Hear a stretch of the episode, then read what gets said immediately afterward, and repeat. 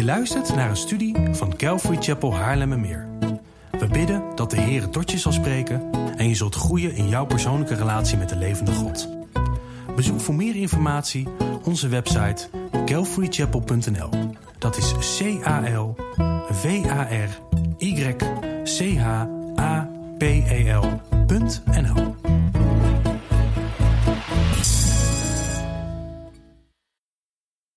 Goed, wij uh, beginnen vandaag met het Bijbelboek Spreuken, onze studie daarvan. En behalve dat er heel veel zinvolle dingen in het boek zelf geschreven staan, is er ook veel zinnigs over het boek Spreuken te zeggen. Het is ten eerste het, het meest praktisch boek in het Oude Testament. En het leert de christen de vaardigheden, dus vaardigheden, om dagelijks goed te kunnen leven te midden van een goddeloze wereld. Dat is nogal een uitdaging. Ik vind dat een uitdaging om, om goed bijbels te leven te midden van een goddeloze en vijandige wereld. Maar dat is wat Spreuken ons leert. Het leert ons om, om goed met God om te gaan. Het leert ons om goed met mensen om te gaan. Mensen in de kerk, mensen buiten de kerk. Ook met moeilijke mensen om te gaan. Het leert ons het gigantisch groot verschil tussen wijsheid en dwaasheid. Tussen de rechtvaardige en de kwade. Tussen uh, trots en nederigheid. Het, het definieert al dat soort zaken. Het leert ons over gerechtigheid en over wraak. Over het gezinsleven, over familie, over de overheid en hoe wij dat moeten zien en hoe wij daarmee om moeten gaan. Over luiheid en werk. Het leert ons over armoede en rijkdom. Over vrienden, over buren, over liefde en lust en, en boosheid en conflict en werkgevers en werknemers en leven en dood. Spreuken leert ons hoe wij met geld om horen te gaan. Met onze tijd en energie. Het leert ons hoe wij het beste onze monden kunnen gebruiken. Kortom, spreuken raakt alle facetten van menselijke relaties en menselijke interacties. En haar, haar principes zijn niet alleen tijdloos, maar ze zijn ook niet cultuurgebonden. Elke cultuur op de aardbol kan iets of heeft iets aan de spreuken, kan iets met de spreuken. Er is geen enkel christen hier op aarde die hier niets mee kan. Het is niet cultuurgebonden. Nou, de Bijbel is volgens 2 Timotheus 3:16 volledig door God ingegeven.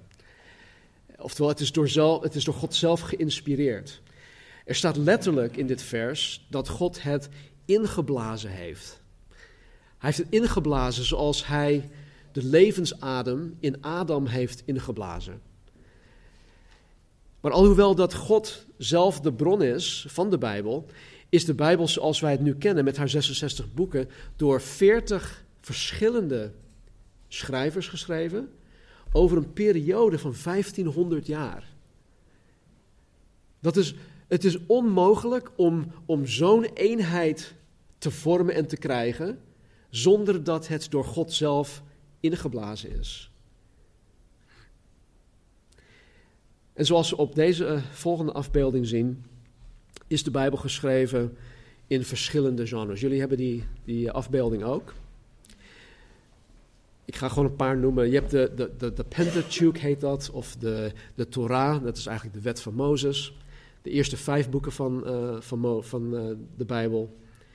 Trouwens, als je de Duitse Bijbel kent, dan is het Mozes 1, Mozes 2, Mozes 3, Mozes 4 en Mozes 5. Um, dus goed, de wet van Mozes, je hebt historische boeken, er zijn poëtische boeken en wijsheidsliteratuur. Je hebt de grote en de kleine profeten, je hebt de vier evangeliën die echt verhalend zijn. Het vertellen, het, zij vertellen een verhaal over het leven van Jezus. In het Nieuw Testament heb je ook een geschiedenisboek, Handelingen, waarin de geschiedenis van de kerk van de eerste eeuw staat. Uh, je hebt heel veel brieven die door verschillende mensen zijn geschreven aan de kerk, ook aan ons. En uh, ja, Paulus heeft het merendeel daarvan geschreven. 13 van de 21 brieven heeft Paulus geschreven. Als je denkt dat hij Hebreeën heeft geschreven, dan is, het, dan is het 14 van de 21. En er is het ehm, profetisch of het apocalyptisch boek Openbaring in, in het Nieuw Testament. Nou, wat hierin belangrijk is om te weten, is dat je door de verschillende genres niet ehm, elk boek op dezelfde manier hoort te lezen. Als we, we, we zullen gaandeweg zien in spreuken dat het heel veel losse statements zijn. En vaak is het zo dat, dat mensen, christenen, die niet weten, die lezen de Bijbel, de hele Bijbel, zoals men de spreuken hoort te lezen. Ze nemen één vers uit een boek en that's it. Weet je, maar als je, als je nagaat, een brief van een apostel, Paulus bijvoorbeeld, is een brief. Als ik jou een brief toestuur. Dankjewel, Marnie. Zo'n grote afleiding. Ik zie jullie allemaal die kant op kijken.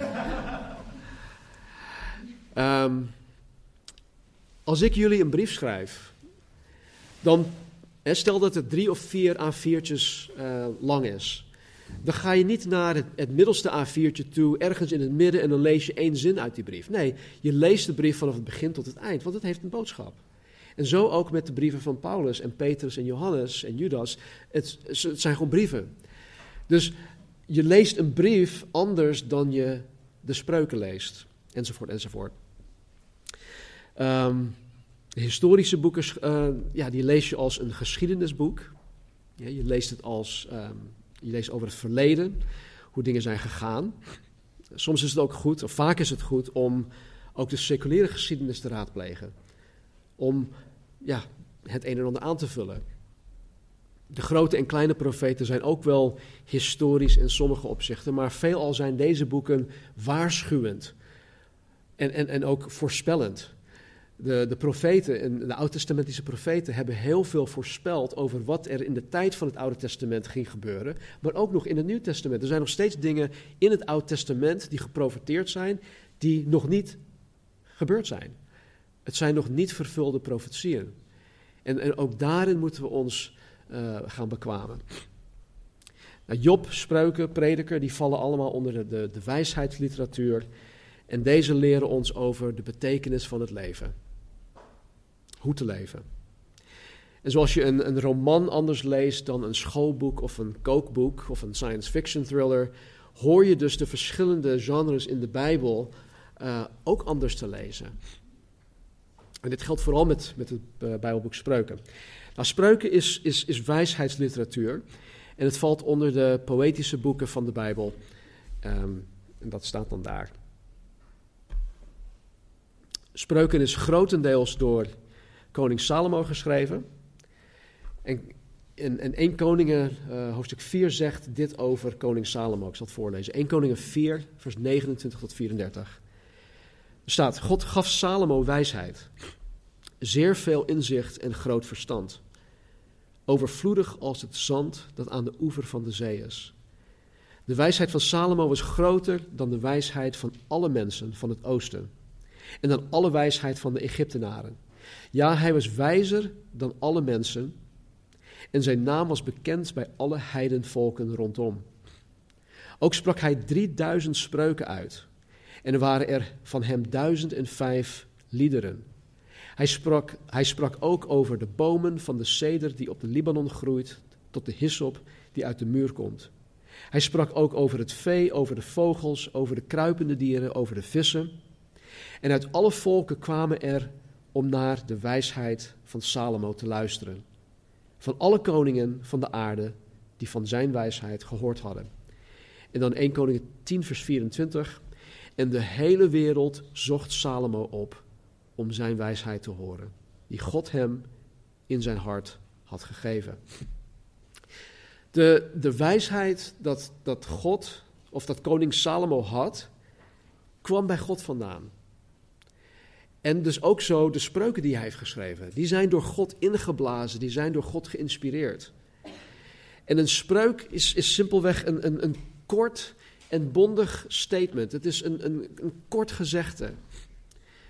Het woord voor spreuk in de grondtekst is mashal en dat betekent vergelijking of een, een, parallel of een, uh, een gelijkenis. Het is, het is stijlfiguur, het is een wijze van spreken. Waarin eh, de auteur een, een, een vergelijking gebruikt. En dat deed Jezus ook in het Nieuw Testament. Hij sprak ook in, in, in, in, in ehm, hoe noem je dat? In ehm, gelijkenissen, sorry, ja, gelijkenissen.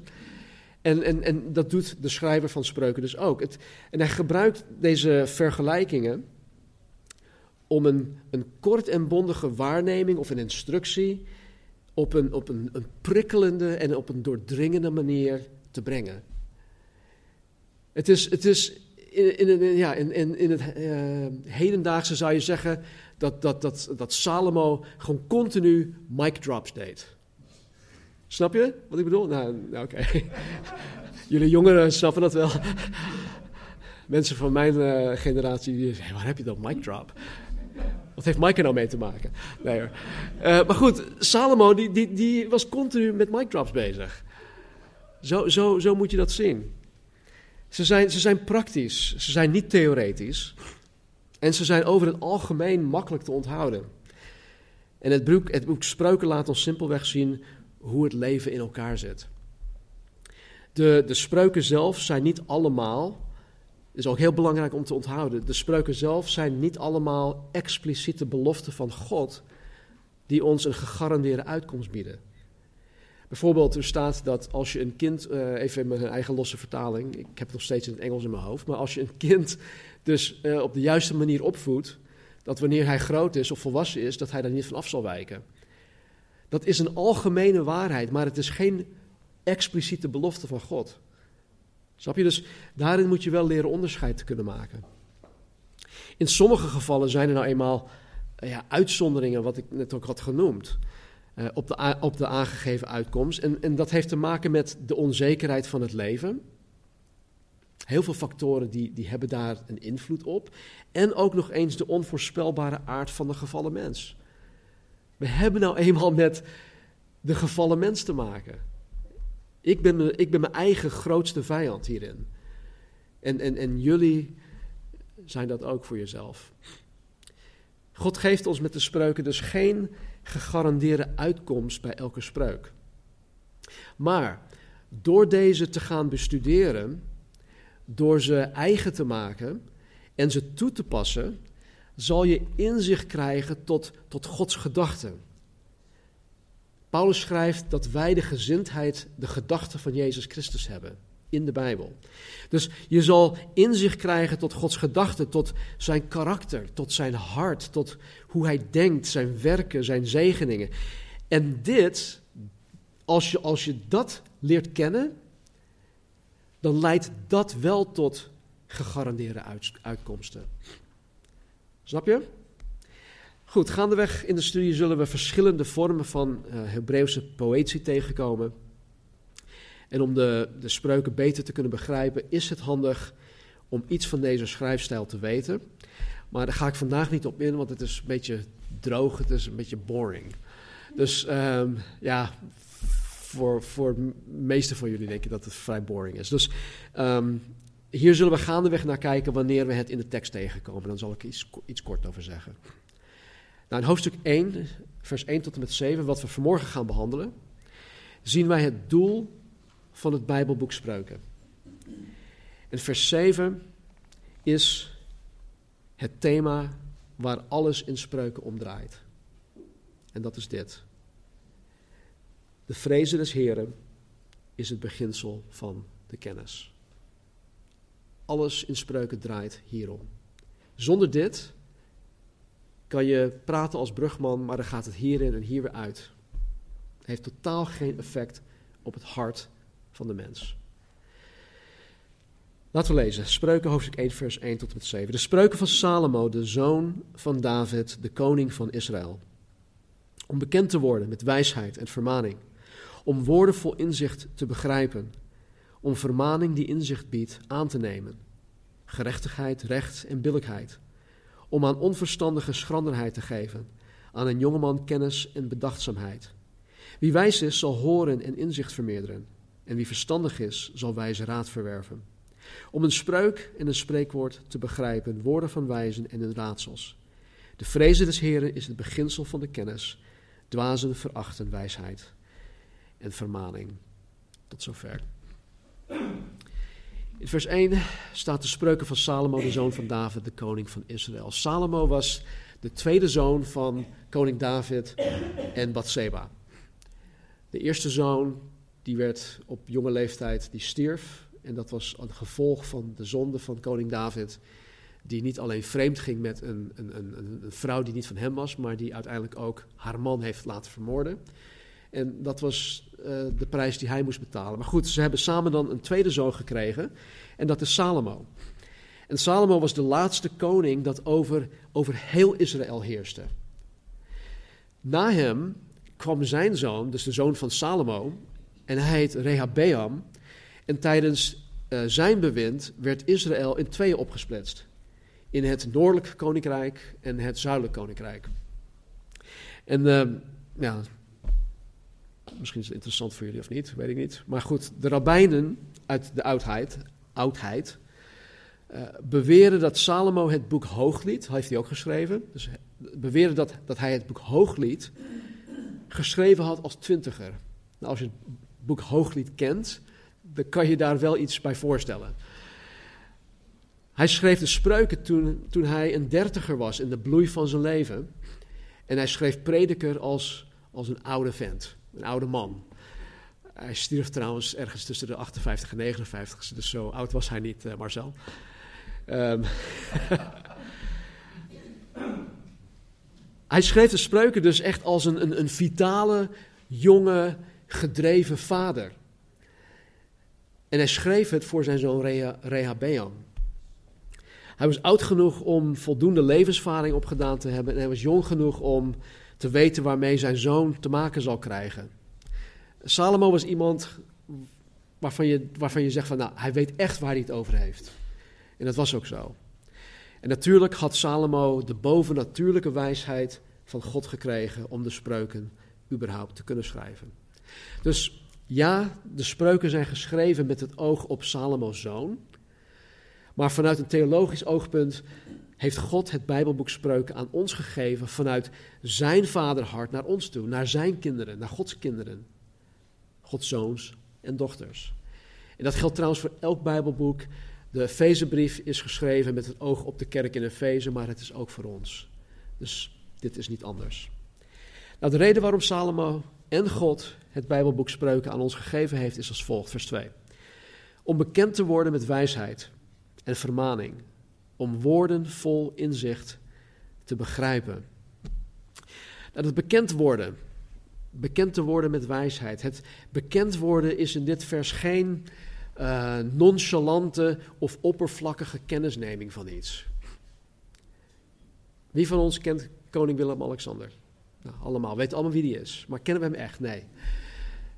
Soms zeggen we ook, als we iemand ergens tegenkomen in een sociale setting. Man, wat kom jij mij bekend voor?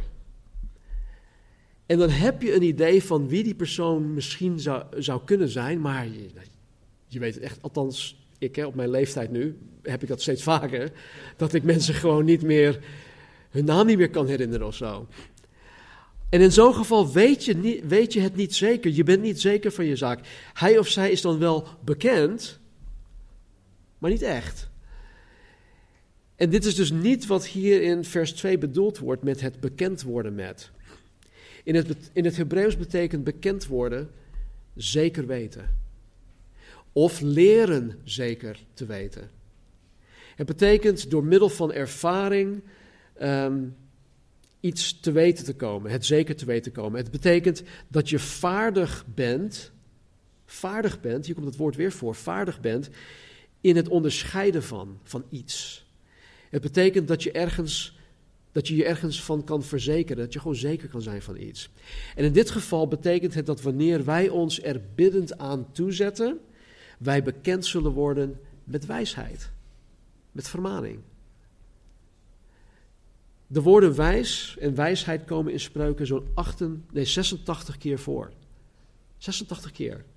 Wijsheid 40 en ik denk wijs uh, eh, 46. Het verkrijgen van Gods wijsheid is dan ook echt de hoofdzaak van deze brief.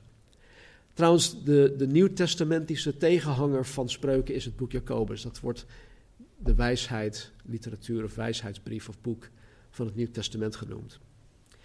Nou, helaas wordt wijsheid vaak door elkaar gehaald met, met kennis. En dat is fout, dat is echt fout.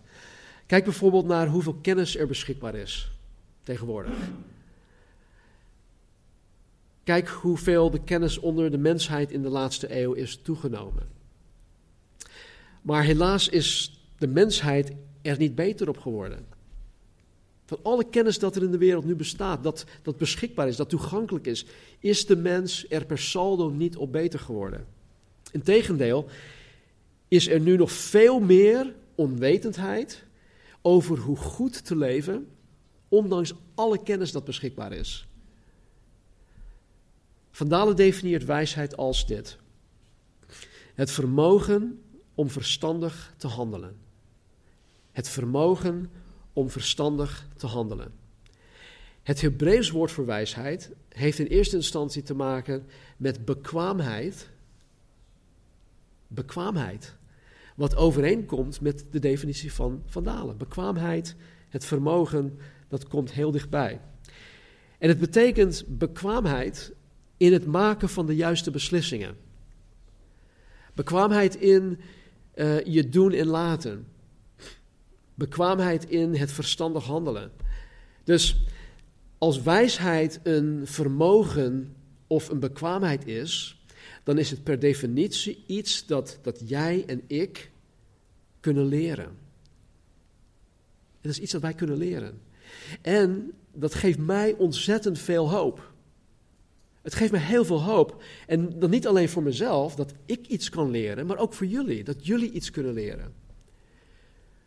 Trouwens, hoe wijzer jullie worden, hoe beter voor mij. Want dat zal mijn leven zoveel makkelijker maken.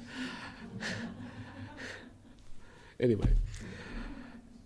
De spreuken zijn aan ons gegeven om, om vaardig te worden in het verstandig handelen. Maar niet alleen dat. De spreuken zijn ook gegeven om vaardig te worden in vermaning. En om woorden vol inzicht te begrijpen. De vermaning waar Salomo over schrijft heeft te maken met het gecorrigeerd worden. Gecorrigeerd worden. Een kind van God moet leren vaardig te worden in het aanvaarden van correctie en tucht. En dan kan je wel zeggen, ja, maar ik ben zo niet opgevoed en mijn ouders dit, mijn ouders dat, mijn cultuur dit en dat. Nee, op het moment dat je tot wedergeboorte komt, dan heb je een nieuwe natuur gekregen. Je bent een gehele nieuwe schepping geworden. En het is Gods woord en Gods geest die ons omvormt naar zo'n persoon. En God wil dat wij vaardig worden in het aanvaarden van correctie en tucht. Kijk, mensen zijn van nature niet in staat wegens onze gevallen zondige natuur, wij zijn niet in staat om vermaning en correctie te aanvaarden. Als je me niet gelooft, loop een keertje met de zondagschool mee. Of vraag het aan Gerry of aan anderen die elke dag voor de klas staan. Spreuken 22:15 zegt niet voor niets dat dwaasheid in het hart van een kind gebonden zit. Jullie die kinderen aan het opvoeden zijn, of die tieners hebben, of die kinderen opgevoed hebben, die weten dit als geen ander. Dus ook het vaardig worden in het aanvaarden van vermaning, van gecorrigeerd worden en het goed op te pakken, dat is ook weer zoiets. Je moet het goed oppakken. Dat is iets dat jij en ik kunnen leren. En wij moeten het leren. Want God wil, Hij vereist van zijn kinderen dat wij dit leren. De spreuken zijn ook gegeven om ons de spreuken zelf, oftewel de woorden van inzicht, te kunnen begrijpen. En hierin zien wij een, een hele belangrijke principe, principe in Bijbelinterpretatie. En ik, ik, noem iets dat heet dan um, het syntheseprincipe. Als je dat interessant vindt, knoop het in je oren. Als niet, kan je het weer vergeten. Maar het syntheseprincipe leert ons dat de beste uitlegger van de schrift de schrift zelf is. Ja, nogmaals. De beste uitlegger van de schrift is de schrift zelf. Wat ik hiermee bedoel is dit, en ik heb dit van godquestions.org. We moeten elk schriftgedeelte onderzoeken in verband met de directe context. Dat wil zeggen de verzen eromheen. Met de bredere context, dat wil zeggen het boek waarin het staat. En met de gehele context van de gehele Bijbel. Dus je zal nooit een Bijbeltekst kunnen nemen en, en daaromheen een hele theologie of een doctrine bouwen. Want, tenzij het Bijbels is natuurlijk, maar je kan nooit iets zomaar hapsnap nemen en zeggen van nou dit is het. En, en ja, helaas gebeurt dat wel. Maar dat is nooit de bedoeling. En dan staat er ook nog dit: de Bijbel is nooit tegenstrijdig. Elke theologische verklaring kan en moet in overeenstemming zijn met theologische verklaring in andere schriftgedeelten. Een zuivere Bijbelinterpretatie houdt elk schriftgedeelte in verband met het geheel van de Bijbel. Dus verband is erg belangrijk. Vers in het verband van het hoofdstuk, hoofdstuk in het verband van het boek, het boek in het verband van de rest van de Bijbel. Dus als wij het syntheseprincipe trouw hanteren, en naarmate wij ons de spreuken eigen gaan maken, en naarmate de Heilige Geest, de Geest van de waarheid, ons hierin onderwijst, hoe meer wij de woorden van inzicht zullen gaan begrijpen. Dat is een garantie. Als wij dit doen, gaan wij de woorden van God, de woorden van inzicht begrijpen. Het, het kan niet anders. En dit geldt trouwens niet alleen voor spreuken, maar voor de hele Bijbel. Wat ik in mijn nieuwjaarsboodschap ook, ook, ook aangaf. Wij worden dagelijks bekogeld, dagelijks overdonderd met de leugen. En de enige manier om, om daar weerbaar tegen te zijn, is door de waarheid, door het woord van God tot je te nemen. Vers 3. Spreuken zijn gegeven om vermaning die inzicht biedt aan te nemen. Gerechtigheid, recht en billijkheid. Vermaning komt niet alleen rechtstreeks voort vanuit het woord van God. Dat is, dat is echt het allerbeste. Maar zoals Salomo hier als vader tot zijn zoon spreekt, spreekt God de Vader vaak tot mij of tot ons door middel van zijn kinderen die hij in de kerk heeft aangesteld. En dit kan betekenen dat God de Vader jou door de voorganger wil vermanen. Of door de assistent-voorganger wil vermanen. Of door wie dan ook in de kerk die hij daartoe wil, of daarvoor wil gebruiken.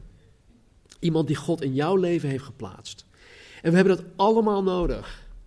Ik heb, ik heb nodig dat ik vermaand word. Niet alleen door God en door de Bijbel, maar door mensen om mij heen, in mijn nabije um, cirkel, zeg maar.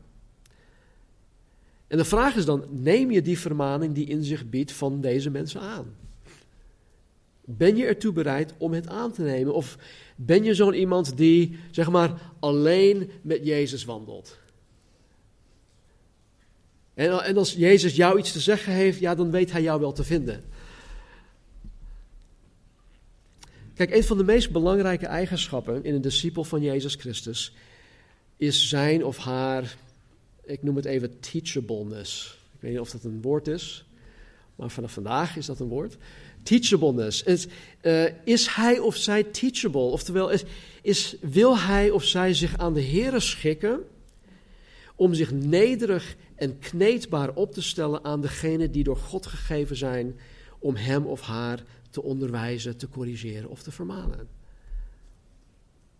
Dat is zo'n belangrijke eigenschap in de christen. En het is iets wat, wat in, mijn, in mijn mening te vaak in mensen ontbreekt. Ben jij ontvankelijk voor dit soort onderwijs, voor dit soort vermaning? Of ben je zo'n iemand die liever ja, met rust gelaten wil worden? Of ben je liever zo'n iemand die, die liever heeft dat niemand zich met jouw zaken gaat bemoeien?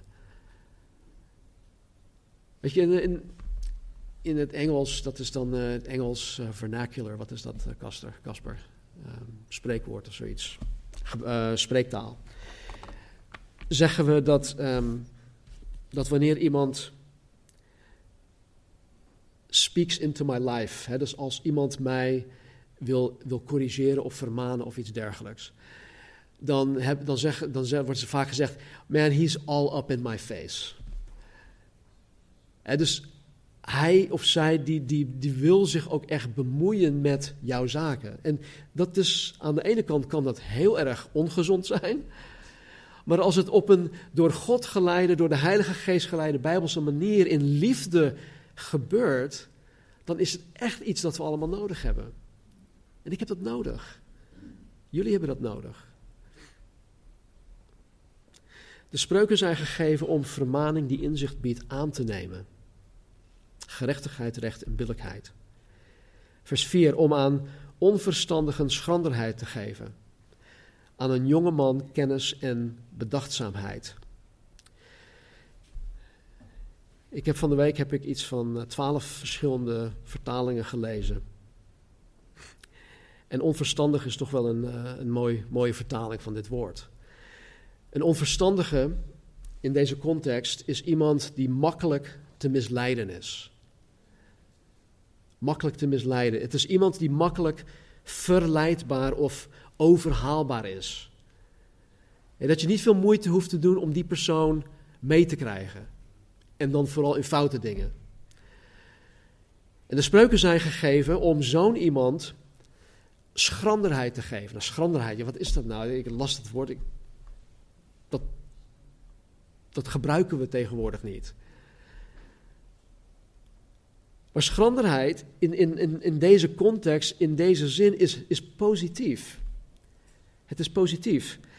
Gods kinderen, die makkelijk verleidbaar zijn, moeten schrander zijn. Oftewel, Gods kinderen die makkelijk verleidbaar zijn, moeten slinks en sluw zijn omwille van de gerechtigheid. En het is echt omwille van de gerechtigheid. Dus we moeten niet slinks en sluw zijn in hoe wij het beste uit onze belastingaangifte kunnen halen. Weet je, of, of hoe wij mensen kunnen manipuleren, of mensen kunnen gebruiken of misbruiken, of dat soort dingen. Maar sluw en slinks omwille van de gerechtigheid. Toen Jezus zijn uh, twaalf discipelen op zendingsreis uitzond, zei Jezus tegen hen dat hij hen uitzendt als schapen te midden van de wolven. Nou, als je dat even, even uh, dat, dat beeld tevoorschijn haalt. Hij zendt ons uit als schapen te midden van wolven. Dat, dat is geen goede situatie. Oké? En dan zegt hij: Jullie moeten scherpzinnig of schrander zijn als de slangen en ze oprecht als duiven. Wie had Eva verleid, misleid? De sluwe, slinkse, schrandere slang. En hier zegt Jezus, terwijl hij zijn discipelen uitzendt als lammeren te midden van de wolven, wees scherpzinnig of schrander als de slangen. En nogmaals, hiermee bedoelt hij niet dat je mensen moet benadelen, maar wanneer mijn wandel in de Heer door de invloed van anderen in gevaar gebracht wordt, Wanneer mijn wandel in de Heer door de invloed van anderen in gevaar gebracht wordt. Wanneer mijn getuigenis door anderen in gevaar gebracht wordt. Of wanneer de kerk door anderen in gevaar gebracht wordt. Dan moet ik in rechtvaardigheid, in liefde, slinks, sluw, scherpzinnig en schrander zijn als de slangen. Om zo te voorkomen dat datgene waarvoor Jezus aan het kruis gestorven is, niet in gevaar gebracht wordt. Dus wij hoeven per definitie als christen geen deurmat te zijn. Maar pas op hoe je dit toepast. Het moet door Gods geest, door Gods rechtvaardigheid en door Gods liefde geleid worden. De spreuken geven Gods kinderen die makkelijk misleid kunnen worden, dus de, de weerbaarheid om niet misleid te kunnen worden. Ik sprak een tijdje geleden een, uh, een jonge dame die, um, die in aanraking kwam met uh, iemand, uh, een, een, een jonge man van een andere kerk. En hij beweerde christen te zijn, was ook gedoopt. Maar hij wilde dingen met haar doen op seksueel gebied die gewoon niet goed zijn. Hij wilde hoererij met haar plegen. En wat God met deze jonge dame had gedaan, dat is zo ontzettend mooi. God gaf haar inzicht en wijsheid. En hij gaf haar de schranderheid die zij nodig had om afstand te nemen van deze jonge man. En toen ik dat hoorde, was ik zo ontzettend dankbaar. Dank u, Heer, dat u dat met deze jonge dame hebt gedaan. Hoeveel jonge dames zijn er in, in wat wij de kerken noemen die niet zo handelen? Hoeveel jonge mannen zijn er die prooien op zulke jonge dames? De woorden aan een jonge man, kennis en bedachtzaamheid.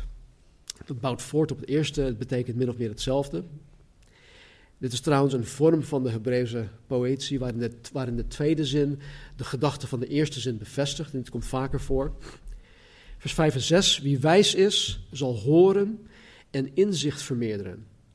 En wie verstandig is, zal wijze raad verwerven om een spreuk en een spreekwoord te begrijpen. Woorden van wijze en hun raadsels.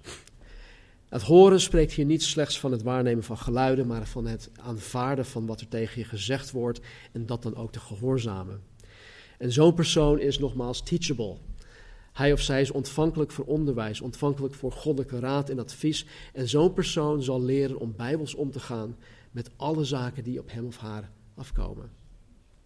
En dit is vooral voor situaties waarin je, je, zegt van, joh, ik weet echt niet wat ik moet doen. Wat moet ik doen? En hoe vaak komen wij niet in dat soort situaties? Heren, wat moet ik doen? Salomo zegt in vers 6 dat, dat de spreuken zelf bij machten zijn om ons de spreuken, de spreekwoorden, de woorden van wijzen en de raadsels te gaan begrijpen. En dit geldt vooral voor ons, wij die wedergeboren zijn. Want wij hebben de geest van de waarheid die in ons woont. En hij is bij machten en wil ons tot de volledige waarheid brengen. Dus ook met betrekking tot spreuken. Had tot slot dit. Ondanks dat de spreuken van Salomo ons beloven te helpen om wijsheid te krijgen, is dat niet mogelijk zonder het volgende. De vrezen des Heren is het beginsel van de kennis. Dwazen verachten wijsheid en vermaning. Vrees voor God is goed. Vrees voor God is goed, het is gezond. En het is essentieel in het leven van een kind van, van God. Ik ga er niet al te veel over zeggen, daar komen we waarschijnlijk op terug. Maar volgens een zekere G. Campbell Morgan zijn er twee soorten vrees. De vrees, één, is de vrees dat God mij pijn zal doen. De vrees dat God mij pijn zal doen. Dit is een egoïstische vrees, want het gaat om mij. En nummer twee, de vrees dat ik God pijn zal doen. Dit is een vrees dat voortkomt uit, uit liefde voor God. En het brengt heiligheid in karakter voort en rechtvaardigheid in, in handelen. Die vrees brengt alleen maar het goede voort. In Ezekiel 6:9 staat dat Juda door hun eigenzinnigheid, door hun geestelijke um, um, overspel en egoïsme God pijn heeft gedaan. Er staat letterlijk, ze hebben mijn hart gebroken, zegt God. Ze hebben God bedroefd. In Efeze 4, vers 30 schrijft de apostel Paulus dat wij de Heilige Geest van God niet moeten bedroeven. Wij zijn er, ertoe in staat om God pijn te doen, om God te bedroeven. De vrees die wij horen te hebben is dat wij door ons hartsgesteldheid en door ons doen en laten God niet willen bedroeven. En dat vind ik het allermooiste van het christen zijn, het wedergeboren christen zijn, is dat ik bepaalde dingen doe en laat niet omdat het per se moet, maar omdat ik het per se wil of niet wil. Ik wil God niet meer pijn doen zoals ik God in mijn heidensleven pijn gedaan heb. Ik wil mijn vrouw niet meer pijn doen zoals ik haar voorheen in mijn heidensleven pijn gedaan heb. En dat is een hele andere insteek. Het is een hele andere manier van denken en doen en laten dan dat er iets opgelegd wordt. De geboden en verboden. Oh, wee als je, daar, als je je daar niet aan houdt. Een hele andere vrees voor God. Dit soort vrees is het beginsel van de kennis. Oftewel, het is het beginsel van de vaardigheid om wijs te leven. En met beginsel bedoelt Salomo niet alleen dat dit is waar je mee moet beginnen, maar dat de vrezen des Heren het allerbelangrijkste en het allerbeste is. Ik moest denken aan een Nederlandse term. Uh, het is het neusje van de zalm. Hè. Als je bijvoorbeeld aan een auto denkt of dit of dat, dan is altijd nou, het allerbeste van de allerbeste is het neusje van de zalm, toch? Is, zeg dat, heb je dat goed begrepen? Nou, de vrees van God is, ja, dat klinkt heel stom, is het neusje van de zalm op het gebied van het wijs leven. Het is het allerbeste, het is het beste van de beste. Nou, tot slot een paar versen uit het Nieuw Testament. Met betrekking tot de wijsheid van Salomo zei Jezus over zichzelf dat hij groter dan Salomo is. Hij zei tegen de mensen om hem, een grotere dan Salomo is hier, zegt hij over zichzelf. In Colossense 2 en 3 zegt, uh, 2, 2 en 3 zegt, zegt Paulus, Christus in wie al de schatten van de wijsheid en van kennis verborgen zijn. Dus waarom moeten wij het als nieuwtestamentische christenen gaan zoeken? We moeten het bij Christus zoeken. In Hem zijn verborgen alle schatten van de wijsheid. En dan in 1 Korinthe 1, 26 tot en met 31, daar kan ik mezelf heel goed in vinden. Let namelijk op uw roeping, broeders. Er zijn onder u niet veel wijzen naar het vlees, niet veel machtigen, niet veel aanzienlijken. Maar het dwaze van de wereld heeft God uitverkoren. Yes, thank you om de wijzen te beschamen. En het zwakke van de wereld heeft God uitverkoren om het sterke te beschamen. En het onaanzienlijke van de wereld en het verachte heeft God uitverkoren. En wat niets is, om wat iets is, te niet te doen.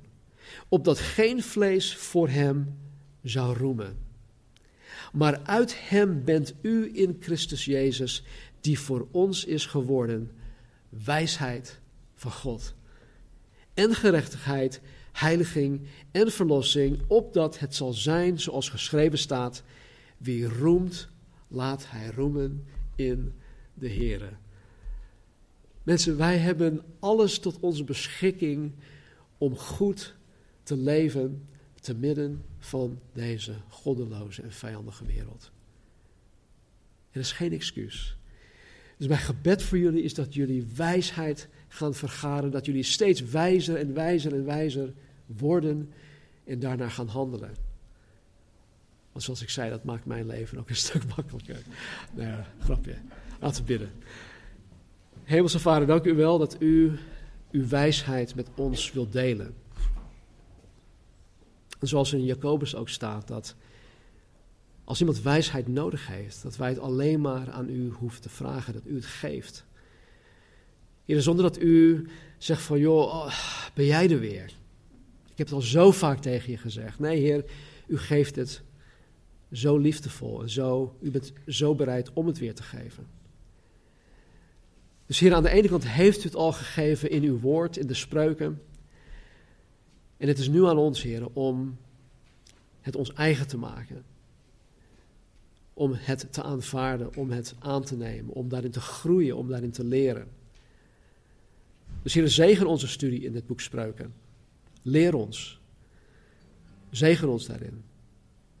En help ons elkaar ook daarin te bemoedigen Heer, te vermanen waar nodig is.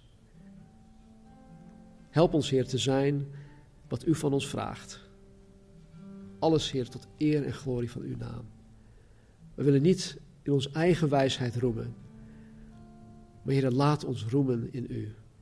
Dat vragen we in Jezus' naam. Amen.